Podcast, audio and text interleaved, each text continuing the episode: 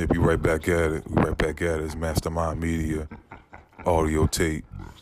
You know, we want to uh, shed light on today.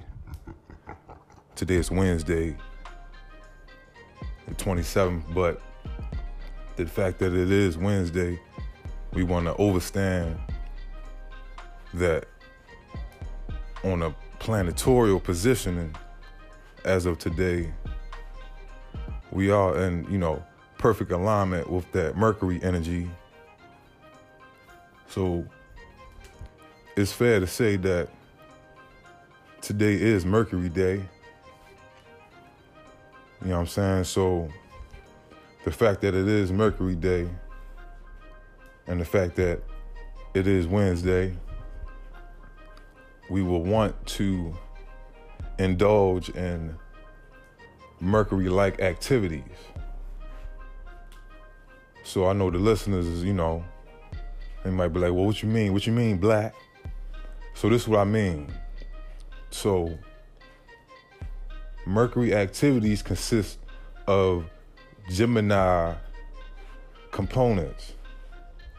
And what I mean by that is, I'm not saying that you have to be a Gemini to indulge yourself into these type of activities, but what I am saying is that Mercury activities correlates with the Gemini components. In that aspect, you will want to use today to capitalize on your communications, on your creativity, on your intellectualism. That would be today would be prominent day to focus on your Gemini components in your life. So for instance, me, myself, and I, I have a lot of Gemini activities in my life. You know? We got writing, we got sounds, you know, we have we have the artwork, you know. So when I'm indulging in these activities, I try to I don't try, I focus on these activities on certain planetorial days when they're going to align the right way. If that makes any sense. So today being Wednesday, today being AKA Gemini Day, shouts out to the Geminis, shouts out to the, to the Virgos. Why is he shouting out the Virgos? Because the Virgos and the Geminis is like astrological cousins when it comes to the Mercury position. So this message is for any and everybody, but especially for the Geminis and the Virgos.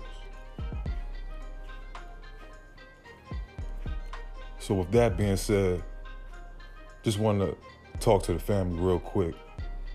Give y'all some type of direction for today. You know, because every day is different. Planets align different every day. You know? And we got to recognize that and we got to flow with the world. We got to flow with the momentum.